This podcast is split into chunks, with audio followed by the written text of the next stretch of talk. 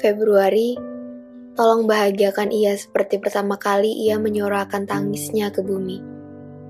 Bantu ia meraih segala mimpi baru atau mimpi hari lalu yang belum sempat terencana. Terbangkan segala kegelisahan dan ragunya pada dunia, buat ia percaya bahwa semesta selalu mendukungnya. Februari, kau tahu aku tak mampu membuatnya bahagia. Atau mungkin aku hanya sebotol sampahnya yang menemaninya tersenyum sampai tegukan terakhir. Bukan secangkir kopi yang bisa menyapanya di tiap pagi.